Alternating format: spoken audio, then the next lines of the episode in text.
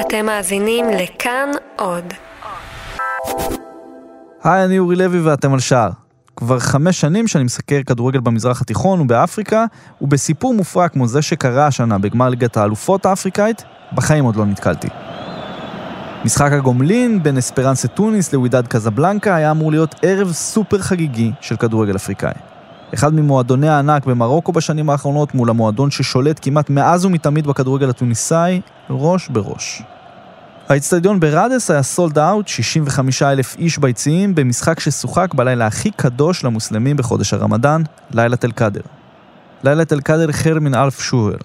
זה המשפט שאומרים עליו, על לילה תל קאדר, שהוא טוב מאלף חודשים. והאמת, שהמשחק הזה והלילה הזה בראדס היו ארוכים מאלף משחקים. אחרי אחת-אחת במשחק הראשון ברבת, מרוקו, משחק הגומלין התחיל בקצב שיא, כשאספרנסה, אלופת 2018, כובשת לקראת סוף המחצית הראשונה, 1-0. Oh, il a trouvé, il a trouvé l'espace. La frappe derrière et l'ouverture du score pour les Tunisiens. כמו תמיד, במשחקים גדולים בצפון אפריקה, רימוני עשן ואבוקות הם חלק בלתי נפרד מהתפאורה לאורך כל המשחק. רוב הזמן היה קשה עד בלתי אפשרי לראות מה קורה על המגרש. ואז, רבע שעה לתוך המחצית השנייה, קרה הדבר הבא. ווידד כבשה שער שוויון, שער שהשופט הגמבי בקריגה סמה פסל בטענה לעבירה שלא הייתה אגב. המרוקאים ביקשו ללכת לVAR ולבדוק, ואז התברר שהVAR, ממש הטכנולוגיה עצמה, לא עובדת באצטדיון. התחילה מהומה שלמה, אוהדים התחילו לזרוק חפצים על שחקני ווידד שלא הסכימו לחדש את המשחק, נשיאי שתי הקבוצות ירדו אל כר הדשא והסאגה הזו נמשכה אל תוך הלילה. באיזשהו שלב, נשיא ההתאחדות האפריקאית בעצמו, אחמד אחמד, ירד לדשא וניסה לסדר את המצב, אבל כלום. במשך שעה וחצי ניסו לשכנע את המרוקאים לעלות בחזרה לדשא ללא הצלחה. בסביבות השעה אחת בלילה, השופט הגמבי שרק לסיום, ואספרנסה זכתה באליפות אפריקה שנייה ברציפות, אחרי ששיחקה פחות מ-60 דקות בגומלין. אבל הכתרת התוניסאים לא סיימה את הסיפור. נהפוך האוהדים התוניסאים זרקו בקבוקים על נציגי הקבוצה המרוקאית שברחו לאן שרק יכלו. התחילו להתפשט שמועות על שוחד של התוניסאים להתאחדות האפריקאית ולשופט. ההתאחדות האפריקאית הודיעה על כינוס חירום, ואחרי כמה ימים הודיעה שהגמר ישוחק שוב ודרשה מאספרנסה להחזיר את הגביע והמדליות שניתנו להם. הם כמובן סירבו. אחמד אחמד, נשיא ההתאחדות ששהה בפריז בדרך לקונגרס פיפ"א, נעצר ונחקר בגלל האשמות בשוחד. אם זה לא מספיק, גם אתר האינטרנט של ההתאחדות האפריקאית נפרץ ויצר מהומה גם ברשתות. ועל רקע הסיפור הביזארי הזה, בסוף השבוע הקרוב ייפתח גביע אפריקה לאומות 2019 במצרים, מדינה שבשבע השנים האחרונות לא מתנהלים בה כמעט משחקי כדורגל עם קהל. אתם על שער הסכת הכדורגל של כאן ובבא גול, והיום אנחנו נכין אתכם לאליפות אפריקה. אז יאללה, אסנטה סאנה.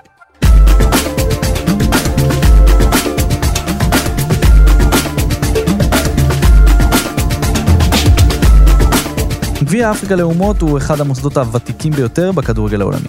אליפות אפריקה שהתחילה ב-1957, שזה אומר, לפני שהייתה אליפות אירופה לכדורגל, לפני שהייתה אליפות אסיה לכדורגל, לפני שהייתה אה, הגביע זהב, רק הקופה אמריקה זה טורניר שהקדים אותו כאליפות יבשת. זה עוזי דן, עיתונאי הכדורגל העולמי של הארץ בשלושת העשורים האחרונים. עוזי עוקב אחרי הכדורגל באפריקה כבר שנים, מבקר ביבשת לעיתים קרובות, וגם ראה מקרוב לא מעט טורנירים של גביע אפריקה לאומות. כולל זה ב-2006, הפעם האחרונה שהטורניר נערך במצרים. אז אמנם קו 100 המיתולוגי מתל אביב לקהיר בוטל, אבל החוויות האלו של עוזי ממצרים יעזרו לנו להבין קצת את האווירה בטורניר. האקלים הפוליטי-חברתי הופך את גביע אפריקה לשונה מטורנירים אחרים. ראיתי כדורגל בהרבה מאוד מקומות בעולם, כולל, אתה יודע, ארגנטינה ומקומות שהם נחשבים הכי. קהל כמו שראיתי במצרים, באליפות אפריקה, קהל ביתי של הנבחרת, אתה יודע, פטריוטי ב... ב- זה בין הפטריוטי ללאומני, אבל לא ראיתי בשום מקום אחר. האליפות ב-2006 שוחקה לפני מהפכת האביב הערבי ולפני אסון פורט סעיד. אותו אסון משנת 2012 במשחק בין אל-מסרי לאל-עלי, בו נהרגו 74 אוהדי אל-עלי בטבח נוראי. הטורניר אז סימל את תחילת תור הזהב של נבחרת מצרים, נבחרת שזכתה בשלוש אליפויות אפריקה רצופות עם זכיות גם ב-2008 ו-2010, כשמוחמד אבו טריקה, מרדונה המצרי, הוביל יחד עם המאמן חסן שחאטה דור מוכשר ולוחמני של כדורגלנים מצרים. השכנים היו בטירוף. אני הגעתי ליום לפני הגמר, עכשיו, קהיר, למי שמכיר, זה עיר כאוטית באופן מטורף, ותנועה ש, שאין דברים כאלה. לקחתי מונית ל press center, והייתה הפגנה של אוהדים, כי העלו את המחירי כרטיסים. בלי לשים לב, עוזי מצא את עצמו בלב אחת השריטות הגדולות של המצרים. להפגין. נגד המשטרה, נגד המדינה, נגד העולם. הייתה הפגנה, חסמו את הזה, נהג מונית אמר לי, שמע, אני לא, לא יכול להמשיך, הוריד אותי ככה באמצע, סבבה, אמרתי, אני אלך ברגיל, פתאום התחילו אבנים. כאילו, השבאב זורק אבנים על השוטרים, ואתה באמצע. עכשיו אני באמצע, עכשיו אני, האינסטינקט הראשוני שלי, היה לרוץ לצד של השוטרים, ואז קלטתי שהשוטרים, אתה יודע, מוגנים, קסדות והכול, ואני זה, אז הלכתי לצד של השבאב. בין המפגינים ובין כל הבלגן, כדורגל מאפשר שיחה אחרת. והתחילו לדבר איתי. אמרו, מאיפה אתה? אמרתי מאנגליה, מה, אתה יודע, שקר ל... מידו שיחק אז בטוטנהאם. מה, אתה מאנגליה, מה אתה אומר על מידו ופה וש... אתה יודע, זה לא בסדר לזרוק אבנים וכזה, אבל הם היו חבר'ה, ברגע שאתה מדבר איתם, ואתה רואה אחד שניים מדברים אנגלית, ואחד התעקש לקחת, אמר לי, אתה יודע, אני, אני, אני, כשאני אגיע ללונדון, רוצה כאילו לפגוש איתך שזה, התעקש לקחת את המספר האנגלי שלי, עכשיו אין לי מספר אנגלי, כן? אז כאילו, אתה יודע, הצלחתי להמציא איזה 0044 כזה, כאילו הסתבכתי, ב, הסתבכתי בשקר שהתחלתי בו, אבל, אה, ואתה רואה שחבר'ה, שכאילו, אוהבים כדורגל, הם אחלה אנשים, יום אחרי זה, עוזי כבר היה בתוך האצטדיון במשחק הגמר. עידוד מטורף, הגמר נגד חוף השנהב, 80 אלף איש, באצטדיון הלאומי בקהיר, עכשיו אצטדיון פתוח כזה, אתה יודע, קלדרה כזאת, אצטדיון כמו של פעם, שהוא מדהים. שש שעות לפני, שש שעות לפני, אצטדיון מלא כבר ב-80 אלף איש, כולם, אין אחד שלא עם דגל, אבל לא עם איזה דגלון, אה, אתה יודע, של יום העצמאות, אלא דגל, כאילו, דגל ש, ששוקל, שרים, מנופפים בדגלים, הבטחה מטורפת, מובארק הגיע למשחק, מאחורי שתי הזכוכית, החרימו את הטלפונים של העיתונאים שלא יפעילו מטענים, משהו וזה, וראית את מובארק יושב למעלה, אני מדבר איתך 2006, זה חמש שנים לפני המהפכה וזה, מובארק יושב מאחורי מין איזה, איזה, ש... כאילו, זכוכית משוריינת שלא יפגעו בו ולא זה. מצרים כמובן ניצחה בפנדלים, כל זה קרה לפני 13 שנים. מצרים של אז, היא לא מצרים של היום. זה היה טורניר, ואני אני לא חושב שהטורניר עכשיו יהיה כזה, אני חושב שכאילו יש משהו ש... לא יודע, יותר, כאילו אנשים היום יותר מיואשים. וזו נקודה חשובה. כי אחרי האביב הערבי, עלייתם של האחים המוסלמים, ההפיכה של הסיסי והמצב הסוציו-אקונומי החמור של מצרים בעשור הקשה הזה, האליפות השנה מתקיימת בסיטואציה שונה בשביל המארחת. פחות משבוע לפני שריקת הפתיחה של הטורניר, מוחמד מורסי, הנשיא לשעבר מטעם האחים המוסלמים, אותו אחד שהשתמש באסון פורט סעיד בקמפיין הבחירות שלו ב-2012, מת בזמן המשפט שלו. למרות חששות להפגנות והפרות סדר, השלטון של הסיסי מנע מההלוויה להפוך לאירוע ציבורי פתוח, והפך את כל הסיפור לנון אישו. אגב, כשבחרו את האיצטדיונים שיערכו את הטורניר, ההתאחדות האפריקאית כללה את האיצטדיון בפורט סעיד, אותו מקום בו קרה האסון שהזכרנו, שבגללו הליגה המצרית משוחקת כבר שנים ללא קהל. הזעקה של אוהדי הכדורגל במצרים ושל מועדון אל-עלי הביאה לביטול ההחלטה הזאת, והמשחקים יערכו בשישה אצטדיונים בלבד, שלושה בקהיר ועוד שלושה בסואץ, אסמאעיליה ואלכסנדריה. זכייה של מצרים בטורניר תיתן סיבה טובה לשבאב, הצעירים שמפגינים ברחבי המדינה, לשם ההפגנה או בתקווה לעתיד טוב יותר, לשמוח. וגם תשרת את הסיסי ביצירת דימוי מוצלח ומאוחד למצרים שלו, בדיוק כמו שעשתה העלייה למונדיאל ב-2018. ומה שמצחיק זה שמצרים בכלל לא הייתה אמורה לארח את הטורניר השנה, אלא קמרון. ופה נכנס אלמנט נוסף שמאפיין את גביעי אפריקה לאורך השנים. באופן כמעט קבוע, הטורניר לא באמת מתקיים במדינה שמקבלת את זכויות האירוח שלו. ככה קרה ב-2017 עם מרוקו שהייתה אמורה לארח, ואז זה עבר לגבון. אותו דבר עם מרוקו וגינאה המשוונית ב-2015 וגם ב-2013, כל פעם מסיבה אחרת. פעם פוליטית, פעם בריאותית עם התפרצות האבולה, והפעם הסיבה על פניו הייתה ביטחונית. יש סוג של מרד, קמרוני היא בעצם חיבור של אה, מה שהיה קמרון הצרפתית וקמרון האנגלית. זאת אומרת, הפרנקופונים שולטים, והמיעוט הדובר האנגלית, שזה בערך 20 אחוז, רוצה סוג של אוטונומיה. ויש אינתיפאדה והשלטון המרכזי נוהג באלימות, וזה עשה בלאגן, זאת אומרת, וכף קצת נבהלו. זה ביחד עם איזה בלאגן שהיה שם עם בוקו חרם בגבול הניגרי וזה, ונבהלו, בכף ההתאחדות האפריקאית לא נבהלו סתם. הטורניר השנה הוא היסטורי מהרבה בחינות. זה גביע אפריקה לאומות הראשון שבו השתתפו 24 נבחרות ולא 16, בדיוק כמו ביורו האירופאי ובגביע אסיה. ומשמעותי מכך, הוא הראשון אי פעם שיערך בקיץ ולא בחורף. אליפות אפריקה כל שנתיים, מ-1957 עד היום, מתקיימת, התקיימה במרץ-אפריל במשך הרבה מאוד שנים, לאמצע העונה האירופית, ואז באו האירופים ואמרו, זה לא מתאים לנו, זה שיא הזה, ת, תשנו. אז הקדימו לינואר-פברואר.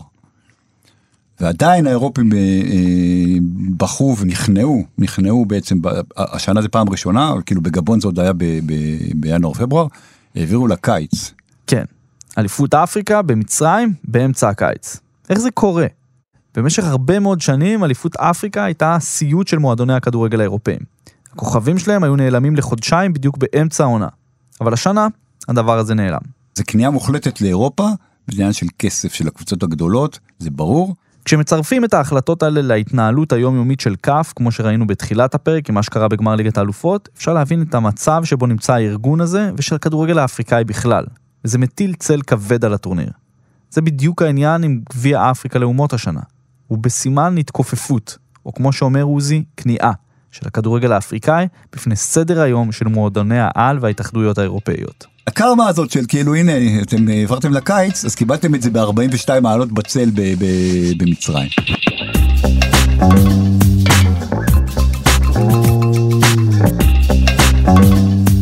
אז לפני שנדבר על מה הולך לקרות בטורניר השנה, צריך לדבר על המציאות המשתנה של השחקנים האפריקאים בכדורגל העולמי, שגם לה יש השפעה על מה שנראה במצרים בחודש הקרוב. בשנים האחרונות הכדורגל האפריקאי עובר שינוי. הנבחרות כבר לא חזקות כמו שהיו בשנות ה-90 ותחילת שנות ה-2000. סיפורי סינדרלה על כוכבי על כמו סמואל אתו ודידיה דרוגבה, שהיו מנהיגים על המגרש ומחוצה לו, נעלמו מהנוף. אבל זה באמת ככה? אני רוצה להזכיר לך ששלושת מלכי השערים של הפרמייר ליג, שלושתם שחקנים אפריקאים, הוא במיאנג אתה יכול להתווכח, אבל הוא חצי גבונזי, הוא משחק בנבחרת גבון, הוא רואה את עצמו, אבא שלו משחק בנבחרת גבון, אה, מנה כמובן. וסאלח, זאת אומרת שלושה שחקנים, ולא רק שלושה שחקנים אפריקאים, יש לך צפון אפריקאי, יש לך אפריקאי אמיתי שזה, ויש לך את החצי חצי שהוא בעצם גדל בצרפת ו... וזה, זאת אומרת יש לך פה את כל זה, שלושת מלכי השערים של הפרמייר ליג, אז הליגה כנראה הטובה בעולם. ויש משהו במה שעוזי אומר. מצרים מביאה לטורניר הזה את הכוכב הכי גדול שיש לכדורגל האפריקאי להציע בשנים האחרונות, מוחמד סלאח. סנגל מגיע עם עוד כוכב ענק מליברפול, סעדיו מנה. אבל למרות אבק הכוכבים שאלופי אירופה הטריים מפזרים, עושה רושם שהם היוצאים מן הכלל, המעידים על הכלל. אתה צודק שיש איזו הרגשה שלא גדלים בשנים האחרונות שחקנים ברמה של אה, דרוגבה, אה, אתה יודע, בדי פלא, אם נחזור אחורה וכאלה. חלק מהעניין הוא ששחקנים טובים הולכים, מגיעים לאירופה כילדים כבר. כאילו אקדמיות חוטפות, מה שפעם עם פעם, אתה יודע, ב-1970 אייקס הקימה אקדמיה בגאנה, היום כל קבוצה שטיפה מכבדת את עצמה, היא עושה סקאוטים בכל חור. קחו למשל את קונקרי בירת גינאה, משם מגיעה אחת המשפחות הבולטות והמדוברות בכדורגל העולמי כיום, משפחת פוגבה. הם שלושה אחים. אימא שלו אגב עכשיו מונתה לשגרירת כבוד של ההתאחדות של אה, גינאה. גם בגלל שהיא אימא של פוגבה כמובן, אבל שני האחים הגדולים שלו, שחקנים בנבחרת גינאה, נולדו בגינאה. הוא כבר נולד בצרפת, והוא משחק בנבחרת עכשיו, הוא היה יכול להיות אה, אה, שחקן גינאה, כמו שפטריק וירה היה יכול להיות שחקן מסנגל. במציאות של היום השחקנים הטובים נחטפים על ידי נבחרות באירופה, הרבה לפני שהם מספיקים לשחק בנבחרות אפריקאיות. אז זה חלק מהדלדול הזה בזה, וזה סוג של, איך אגיד את זה בעדינות, קולוניאליזם חדש, זאת אומרת, אם פעם היו לוקחים, זה לא עבדים, כן, אבל פעם היו לוקחים מחצבים, מיהלומים ונפט וכולי, אז היום מנצלים את האפריקאים בצורה אחרת. והמועדונים הגדולים של אירופה עושים את זה בעצם, לוקחים את הכישרונות. אגב, זה עובד לשני הכיוונים. לא מעט שחקנים שנולדים באירופה ולא מספיק טובים כדי לשחק בארץ מולדתם, מוצאים מקום דווקא בנבחרות של המדינות מהן הגיעו ההורים שלהם. סיפור נוסף אבל שמתאר את היחסים בין הכדורגל האפריקאי לעולם המערבי, הוא המקרה של קריסטיאן בסוגוג. קמרוני צעיר שהיה אלמוני לחלוטין עד לפני שנתיים, אפילו במולדתו, ובתוך חודש הפך לפנים של מפת הכדורגל העולמי החדשה. לפני שנתיים באליפות אפריקה בגבון הייתי שם, וראיתי אותו בפרנסוויל, שזה עיר במזרח גבון באמצע הג'ונגל, נצח את גאנה של אברהם גרנט, ועולה לגמר, וכאילו עכשיו הבן אדם הזה, הוא, הוא קמרוני, שהגיע בגיל צעיר לדנמרק, לסוג של אקדמיה לא גדולה, והתגלגל לארצות הברית, ולא היה מוכר, לדעתי לא... גם טובי הילדים שמומחים במנג'ר, לא, הוא לא היה שם בכלל. אף אחד גם בקמרון בקושי הכירו אותו, זומן לנבחרת לקראת אליפות אפריקה הקודמת, ונהיה כוכב. היה, הוא בעצם היה שחקן המצטיין של האליפות. סיפור הסינדרלה של בסוגוג קיבל תפנית לא הכי רומנטית. במקום ללכת למועדון גדול באירופה, כמו שהיה קורה בדרך כלל עם המצטיינים של גביע אפריקה, למרות שהיו לו הצעות, בסוגוג בחר בכסף הגדול והלך דווקא לליגה הסינית. הלך לכסף. אי אפשר לבוא בתלונות לאנשים. אצלנו הרי היה ויכוח על ערן זהבי, המון כסף וזה, אבל הוא כאילו מוותר, הולך לליגה החלשה, והיה בפלרמו, והיה... עכשיו, אתה מדבר על אנשים ש, ששנה כזאת בסין, מסדרת את המשפחה, את החמולה, את הכפר. בן אדם כזה, אני מבין אותו הרבה יותר, כי, כי זה באמת, מבחינתו, זה, זה לשנות, הוא משנה את העתיד של כפר. אז uh, צריך להסתכל עליו ב... ב אתה יודע, אתה כאילו כועס על זה, אבל... אבל uh, אני האמת לא שופט. לא, זה, זה לא צריך לשפוט, בדיוק, זה, זה, זה בדיוק העניין. הסיפור של בסוגוג קצת מוריד ממה שאנשים אוהבים לחשוב על כדורגל אפריקאי. כי הוא שובר את הסטריאוטיפ הזה של סיפורי סינדרלה. אבל אל תדאגו, יש לנו 24 נבחרות אפריקאיות ויהיו לכם סינדרלות בשפע בטורניר הקרוב, בין אם תרצו ובין אם לא.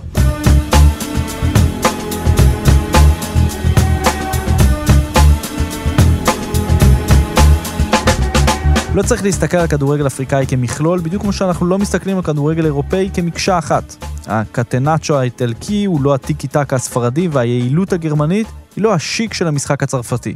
כשאומרים כדורגל אפריקאי, ופה מתחילה הבעיה של העולם הלבן המערבי הצפוני, סלח לי על ההתבטאות הזה, שאפריקה, כשאומרים אפריקה, מתכוונים עזוב רגע את צפון אפריקה, את מדינות המגרב ומצרים וכולי, אלא כל דבר שהוא מתחת למדבר סהרה ועד דרום אפריקה, שזה יבשת בערך בגודל של אירופה, מספר אנשים בערך בגודל של אירופה, זה מקשה אחת.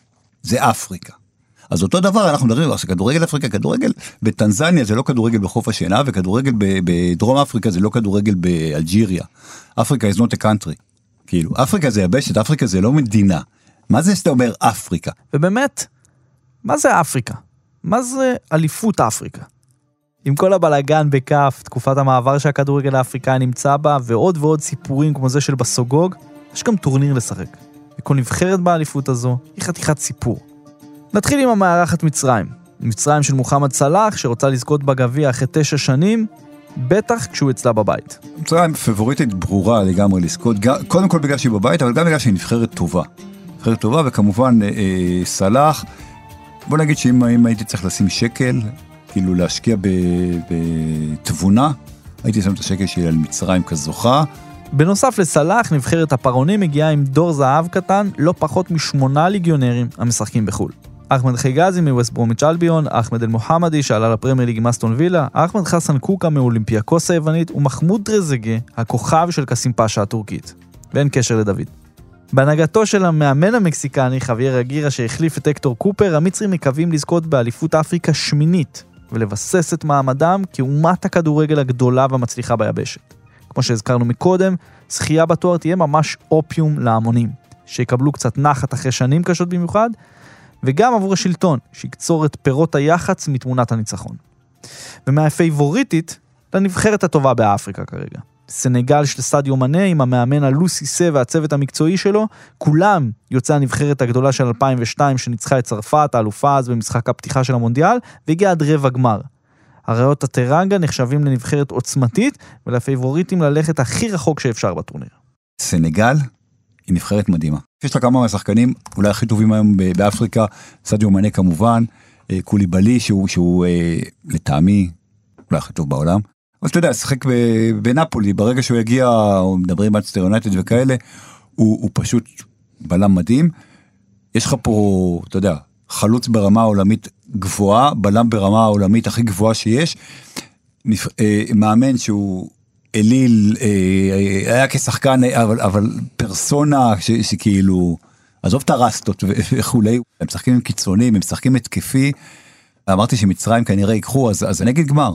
עוד מעצמה מערב אפריקאית היא גאנה, אחת מנבחרות הפאר של היבשת שב-2015, עם אברהם גרנט כמאמן, הגיע לגמר.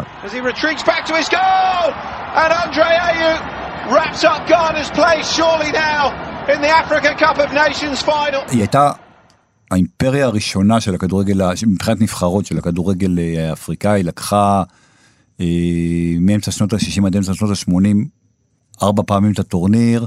אה, הסמואל ז'אן חזר, אה, פרש, חזר, כן יהיה קפטן, לא יהיה קפטן, הוא לא יהיה קפטן, אבל זאת אומרת, ג'נרל קפטן, כן. יש שם בהתאחדות סכסוך, לא משנה מי יושב ראש ההתאחדות ומי שר הספורט, זה כל הזמן, אגב, גרנט נפל, אברהם גרנט נפל אה, לתוך ה... בין הכיסאות בסכסוך הזה. הוא ניסה לצאת בסדר עם שניהם. הוא ניסה לצאת בסדר עם שניהם וכולם כעסו עליו והוא... העיתונות בגאנה זה תיקח את העיתונות הצהובה באנגליה וזה פשוט מטורף. כשאברהם מונה וזה יצא לי לדבר בתחנות רדיו בגאנה אז אתה שומע תחנה שהיא אה, כמו רדיו חיפה נגיד אז הוא מדבר על מכבי חיפה. אז יש כאלה בעד שר הספורט והנבחרת ויש בעד המאמן ונגד ו, וזה מטורף שם והקטע הזה אה, מזיק לחדר ההלבשה ומזיק לאחדות של הנבחרת אבל יש לה, יש לה, יש לה חומר שחקנים טוב כולל אה, כמובן הבנים של אה, עבדי פלא אני נורא מקווה אני נורא אוהב את גאנה אבל אה, חצי גמר או גמר משהו כזה כאילו אני אומר מצרים סנגל גאנה זה 1 2 3 אני האמת חושב שגאנה הולכים להתרסק בטורניר הזה. וואלה. כנראה שאתה צודק. גאנה מגיעה בשיאו של בלאגן פנימי בנבחרת, ולצד שמות גדולים כמו תומאס פארטי ואנדרי איו, נראה שהתככים הפנימיים בהתאחדות זולגים לתוך הקבוצה. ואם הזכרנו את הכוכבים השחורים של גאנה, אי אפשר בלי המתחרה הנצחית שלה, גם על מנת הג'ולוף, אורז עם ירקות הטובה במערב אפריקה, וגם בכדורגל, ניגריה. הסופר איגלס שהיממו את עולם הכדורגל ב-1998 עם ניצחון על ספרד במונדיאל בצרפת, ידועים כאחת מאומות הכדורגל הכי פנאטיות באפריקה ובעולם כולו. Sunday Odyssey with a wonder strike. Nigeria have turned it around and now they lead. ניגריה באמת אימפריה, וניגריה מייצרת שחקנים, אה, מדינה של כמעט 200 מיליון אנשים, ויש, אתה יודע, אני, אני חושב שתוריד את ברזיל רגע, שמבחינת שחקנים שמשחקים, אתה יודע, מחוץ לארצם, בכל מיני מקומות, אה, יכול להיות ליגה שלישית בדנמרק וליגה זה, ניגריה וגם גאנה, אבל ניגריה בגלל שהיא מדינה הרבה יותר גדולה, יש ניגרים מישראל ועד איפה שאתה לא רוצה, ניגריה, אתה יודע מה, אתה אף פעם לא יודע, ניגריה, או שהיא, או שהיא לא מצליחה להפיל פתאום לאליפות או למדע, או שהיא מתפוצצת מבחינת כישרון. יש שם שחקנים, אני... כמה אמרנו זה תהיה הרביעית בחצי גמר. אגב, בקישור האחורי של ניגריה אפשר למצוא את ג'ון אוגו, שהוביל את הקישור של הפועל באר שבע בחמש השנים האחרונות ונחשב לאחד הזרים הטובים ששיחקו אי פעם בכדורגל הישראלי. אז עוזי השלים פה חצי גמר די חלומי, אבל האליפות הזו היא כל כך הרבה יותר מהנבחרות שהזכרנו עד עכשיו. מרוקו אחת הנבחרות הכי מוכשרות באפריקה, שנשענת על בני מהגרים שנולדו באירופה. כוכבי על כמו חכים זייש ומהדי בן עטיה, וגם מאמן עם קבלות, הרווה רנר, היחיד שהוביל שתי נבחרות שונות לזכייה באליפות אפריקה, זמביה ב-2012 וחוף השנהב ב-2015. רנר החזיר את אריות האטלס למונדיאל אחרי 20 שנה, אבל באליפות אפריקה 2017 הם עפו כבר ברבע הגמר. המרוקאים מגיעים לטורניר עם המון תקווה להישג בלתי נשכח במצרים, אבל גם עם סגל מפולג. החלוץ הפורה ביותר שלהם, עבדרזק חמדאללה, שקבע 34 שערים ב-26 משחקים באל-נאסר הסעודית השנה, הסתכסך עם חבריו בגלל שלא נתנו לו לבעוט פנדל, ופרש מהסגל. ומהמרוקאים המוכשרים לנבחרת שמאזיני שער מכירים מצוין מפרק 9 שלנו. חוף השנהב של דידי דרוגבה. חוף השנהב אי אפשר לא לאהוב אותם, גם בגלל שהם אה, קוראים להם מפילים. חוף השנהב, ב-2006 הם היו באמצע, באמצע חצי מלחמת אזרחים. ודרוגבה בעצם, אתה יודע, בין הצפון המוסלמי לדרום הנוצרי, ואמרו אמרו לך עיתונאים ואמרו לך אנשים מחוף השנהב שהדבר היחיד שאיחד אותם באותו זמן זה, זה הנבחרת, שגם עלתה באותה שנה, כמה חודשים אחרי אליפות אפריקה, כמה חודשים לפני היא עלתה, אבל, אבל הייתה גם במונדיאל, זאת הייתה תקופת שיא, הם הגיעו לגמר.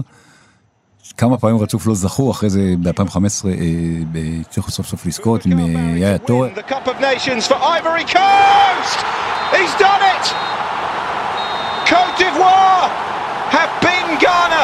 חוף השנהב מגיע עם כוח התקפי מפלצתי, שכולל את ניקולה פפה מליל, ווילפריד זהה, הכוכב של קריסטל פלאס שנולד בלונדון, שיחק בנבחרת אנגליה הצעירה, ובסוף בחר לשחק בנבחרת של הוריו. הזכרנו אותו גם בפרק שעשינו על לונדון. נבחרת מסקרנת נוספת היא נבחרת אלג'יריה, שמגיעה אחרי שנה מטלטלת מאוד. לאחר 20 שנות שלטון, הנשיא שלהם, עבדל עזיז בוטפליקה, ירד מהשלטון ובמדינה נמצאים בתקופת מעבר בדרך להנהגה החדשה. הנבחרת שברובה מתבססת על ילידי צרפת, בני מהגרים אלג'יראים כמו ריאד מחרז ויאסין בראימי, וגם אחד החלוצים הפורים בעולם השנה, בגדד בונג'אח, שב-2018 כבש יותר שערים מליונל מסי וכריסטיאנו רונלדו. אלג'יריה היא סוג של אנטר אצ'יברית בשנים האחרונות, זאת אומרת, היא, היא נכשלה במונדיאל, היא נכשלה באליפויות אפריקה, בשתי אליפויות אפריקה האחרונות היא לא, היא לא עברה את שלב הבתים. עכשיו, זו נבחרת שהיא ב-2014 במונדיאל בברזיל, כמעט העיפה את האלופה. היא הייתה נבחרת נהדרת, אתה יודע מה, והם גם שיחקו שם על הרמדאן, והייתה נבחרת פשוט נהדרת, ויש לה שחקנים, לא יודע, משהו, משהו שם כאילו אה, לא מתחבר, והחליפו כמובן אה, אה, מאמנים ו, וכולי, ויש גם, צריך להגיד, שנאה בין האלג'יראים למצרים אה, על, על אה, רקע... אה, מונדיאל 2010. גם מונדיאל 2010 וגם עוד כאילו. עוד 1990 והמשחק שהיה ב-2000 זה בחרטום, שונאים אחד את השני. זה גם, זה גם לא יעזור לאלג'יראים שיקבלו זה, אני לא רואה אותם מצליחים, זאת אומרת, הם, אתה יודע, הם, מבחינת חומר הם שווים אה, רבע גמר, חצי גמר, הם גג יגיעו לזה, אולי פחות. גם טוניסיה, למרות שזכתה רק פעם אחת בטורניר כשאירחה אותו ב-2004, נחשבת לנבחרת חזקה שמגיעה גם היא בשיאו של רנסאנס כדורגל קטן.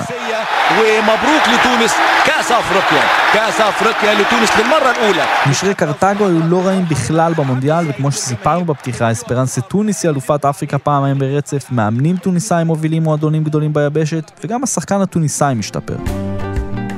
נבחרת חשובה נוספת שאסור לשכוח היא האלופה קמרון, או בכינוים האריות הבלתי ניתנים להכנעה, שמגיעים לאליפות עם נציג מליגת העל שלנו, ז'ורג' מנדג'ק של מכבי חיפה. אלופה מכהנת, אבל, אבל אני חושב שקמרון תבוא... אתה יודע, זה היה צריך להיות אצלה בבית ולקחו לה את הטורניר, אה, הם בסוג של חילוף משמרות. לא, קמרון היא תמיד משחקת טוב, משחקת התקפי, אבל לא רואה אותה עוברת רבע גמר או משהו כזה. כאילו, אני חושב שקמרון תהיה במקום בינוני באמצע נקרא לזה. אבל אם עוזי הזכיר את מלחמת האזרחים האיבורית, כנראה שאין מדינה שמגיעה במצב קשה יותר לטורניר מאשר הרפובליקה הדמוקרטית של קונגו. כבר כמעט 20 שנה שהמדינה השנייה בגודלה באפריקה עם 80 מיליון תושבים, היא גם הבית של אחת ממלחמות האזרחים האכזריות והקשות בעולם. מאז 1998 נהרגו כ-5.4 מיליון בני אדם במלחמת העולם של אפריקה, כמו שהמקומיים קוראים לה, בין 4 ל-6 מיליון איש הפכו לפליטים, והסממן הבולט ביותר של המלחמה הזו הוא אונס. לפי דיווחים שונים, מעל ל-200 אלף נשים נאנסו במלחמה הזו, ועשרות אלפי ילדים חיילים פועלים ביחידות של המיליציות השונות. אחת הסיבות המרכזיות למלחמות האלה, וזה חשוב לדעת, היא המשאבים שקיימים בשפע בקונגו, כמו נחושת, יהלומים וקובלת, החומר שממנו מייצרים סמארטפונים, כמו זה שאתם מקשיבים בו בטח עכשיו לפודקאסט הזה. באתרי קריאה, בעבודות פרך, הוא מופק ממש מהאדמה שם. תוסיפו לזה את המיליציות, את הסכסוכים האזוריים, והעובדה שכולם נלחמים על המשאבים. בתוך כל הבלגן הזה, יש גם כדורגל, ואפילו לא מעט כישרון.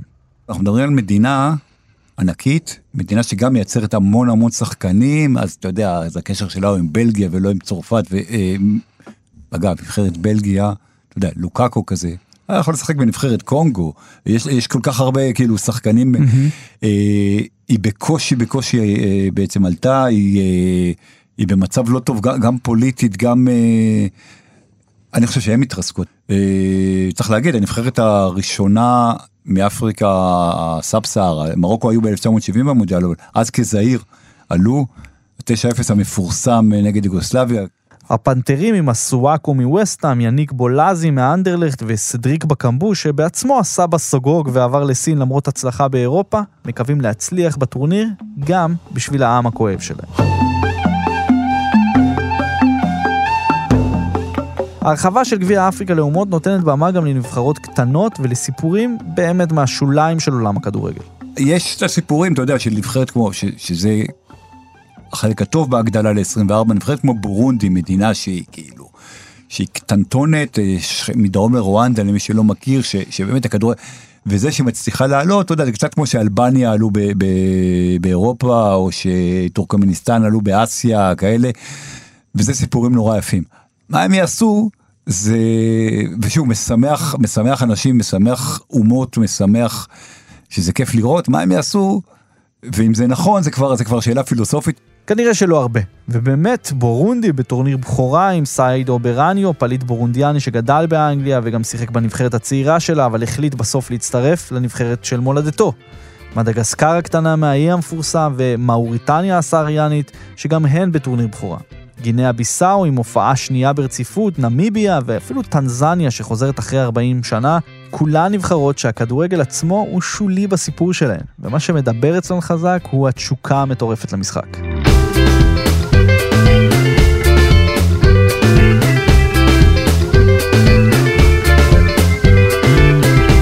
ברמה הכי קיצ'ית, אם יש משהו שמייחד את הכדורגל בהרבה מקומות ביבשת, זה זה שהמשחק הזה הוא קודם כל מקור לחדוות חיים. אמיתית לגמרי. בקיץ האחרון הייתי במשפחה בזנזיבר בחופש, ואתה מסתובב בסטון טאון, ואתה כן רואה ילדים שיצאו עכשיו מהמדרסה עם, עם גלביות, אה, להפסקת צהריים, הפסקת איזה, משחקים עם כפכפים. ועם, ועם בקבוק אה, פלסטיק שבור, כאילו, הם משחקים כדורגל. אתה יודע, אין להם כדור, אין להם, הם יצאו לרגע לזה, באיזה סמטה, ב... וזה כך. מגרשי עפר, אה, אבנים, וילדים ש- שמה שהם עושים כל היום זה, זה או לעזור ל- למשפחה בפרנסה, קצת ללמוד, אבל בייחוד לשחק כדורגל. אה, ושוב, עם אבנים, עם כל מיני דברים. ותשמע, כמה מהשחקנים הכי טובים בעולם, היום ובעבר. אה, התחילו ככה. התחילו ככה. לגמרי. עכשיו זה כמובן אבא של כל הקלישאות ואימא של כל ההכללות וכולי. אבל כן, כן יש, כן יש משהו ב, ב, ב... נקרא לזה בשמחה או בתשוקה למשחק, או אתה יודע מה, בתשוקה בכלל, ל, ל, ל, נקרא לזה לחיים. אז מה יקרה השנה בגביע אפריקה? האם נקבל פארסה ארגונית כמו האירוע שאיתו פתחנו את הפרק הזה? או שנזכה לרגעי כדורגל שיזכירו לנו אגדות כמו רוג'ר מילן, וואנקנו קנו או מוסטפא חאג'י? מה בעצם אנחנו הולכים לראות שם? אליפות אפריקה היא כן דבר שרואים בעולם, אז, אז, אה, אז אני מאמין שהם, הם, והם גם מבינים, אחרי הפיאסקו הזה, הם מבינים מסתכלים עליהם בזכורית מגדלת. אז אני מקווה שלפחות מהבחינה הזאת יהיה, יהיה טוב, אבל, אבל אה, מה שהתחלתי להגיד זה שהיחס הרציני, וזה כבר חוזר ל- לאוהדים ול, ולדעות הקדומות, שאתה רואה את אה, שוער אה, הרפובליקה הדמוקרטית של קונגו רוקד, אתה יודע, חוגג ב, בריקודים, עם הרסטות חוגג, Now famous celebration from goalkeeper Kidiaba. רוברט קידיאבה שנים היה מופיע בפרומואים ופרסומות לאליפויות אפריקה. מסתכלים על זה כאילו בסוג של... אה, זה, זה, זה נורא נחמד, זה יפה, אבל אני חושב שהרבה אנשים מסתכלים על זה בסוג של כאילו התנסות, או... או סטריאוטיפ. סטריאוטיפ, סטריאוטיפ זה המילה, שכאילו, אתה יודע, זה, זה לא רציני, זה כאילו, עכשיו מה זה לא רציני? יש שחקנים שחוגגים, אם, אם אה, קבאני חוגג ביריות או זה, אה, כל מיני, הרי יש אלף חגיגות של אלף שחקנים, מסכות של, של השחקנים, זה יותר רציני? האוהד כדורגל הישראלי, המערבי, צריך לבדוק גם את המשקפיים שלו. עכשיו, כולנו יש לנו דעות קדומות, כולנו, גם מי ש... אתה יודע, אנחנו מחזיקים מעצמנו ליברלים מתקדמים, אה, אה, אה, מנסים לראות כל אחד כמו שהוא, אבל עדיין יש לנו דעות קדומות, זאת אומרת, אז, אז זה חלק מהעניין, להסתכל על האליפות, תחשוב שאתה רואה עכשיו את סנגל מצרים, או לא משנה זה, או, או גם אתה רואה את בורונדי אה, אה, נגד אה, חוף השנהב, תסתכל על זה כאילו אתה מסתכל על, על, על, אה, אלבניה בלגיה, או על אה, ווילס אנגליה ב, ב, ביורו, תנסה לראות את זה אותו דבר. עכשיו, אם, אם אתה תנסה לראות את זה אותו דבר, אתה גם תצליח. ותסתכל על זה, ואז כאילו, יכול להיות שהמשחק יהיה טוב, יכול להיות שהמשחק יהיה רע, יכול להיות שיהיה גולים, יכול להיות שלא זה, אבל תוציא את הקטע שמדובר על אפריקה. זה משחק כדורגל בין שתי נבחרות, כאילו, ארבעה מיליארד אנשים בעולם אוהבים כדורגל, משחקים כדורגל, בכל יבשת, בכל צבע, בכל גיל, בכל מין, בכל אה, אה, צבע עור, גזע, מה שאתה לא רוצה, דת. תסתכל על המשחק כאילו במשקפיים של, של כמו שאתה רואה יושב בבלומפילד לצורך העניין. לא צריך לייפות את המצב. גביע אפריקה לאומות הוא כנראה לא טורניר הכדורגל הכי איכותי שתראו בחיים שלכם. קחו את הסיטואציה שאיתה פתחנו את הפרק הזה. את הבלגן המושלם הזה בגמר ליגת האלופות בתוניסיה. כי באליפות אפריקה אתם לא יודעים מה תקבלו, ואתם בטוח תופתעו, וזו בדיוק הסיבה שבגללה כולנו חולים על המשחק הזה. כל מה שאנחנו מצפים לו זה הבלתי צפוי. זה היה השער שלכם לגביע אפריקה לאומות 2019. תודה לרום אטיק ולרן פיש על העריכה ולדניאל שמר על תקלוט משובח נוסף. בהזדמנות זו אני רוצה להגיד תודה גם לירדן מרציאנו על העריכה, ליוסי מדינה על התחקירים, לשלומי בן עטיה על התמיכה ולליאור אברבך על הבמה. אנחנו יוצאים לפגרה קצרה וניפגש ממש בקרוב עם תחילת עונת הכדורגל הבאה עלינו לטובה. כל הפרקים של העונה הראשונה תוכלו למצוא באפליקציית ובאתר כאן, בכל אפליקציות הפודקאסטים וגם בספוטיפיי. אתם מוזמנים לכתוב לנו תגובות, רעיונות לעונה הבאה בקבוצת הפייסבוק שלנו, שער, הסכת כדורגל מבית כאן בבאבא גול, אנחנו שם גם בפגרה. אני אורי לוי, בבא גול, קיפ איט ריל, ונתראה.